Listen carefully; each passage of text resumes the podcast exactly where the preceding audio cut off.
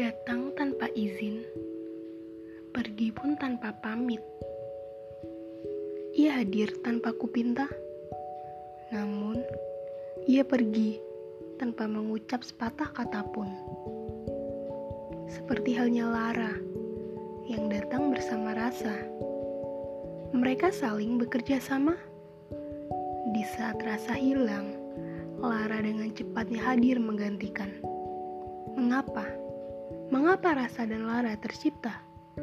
Mungkin keduanya saling menyisipkan makna yang tersirat, namun indah bila dimengerti.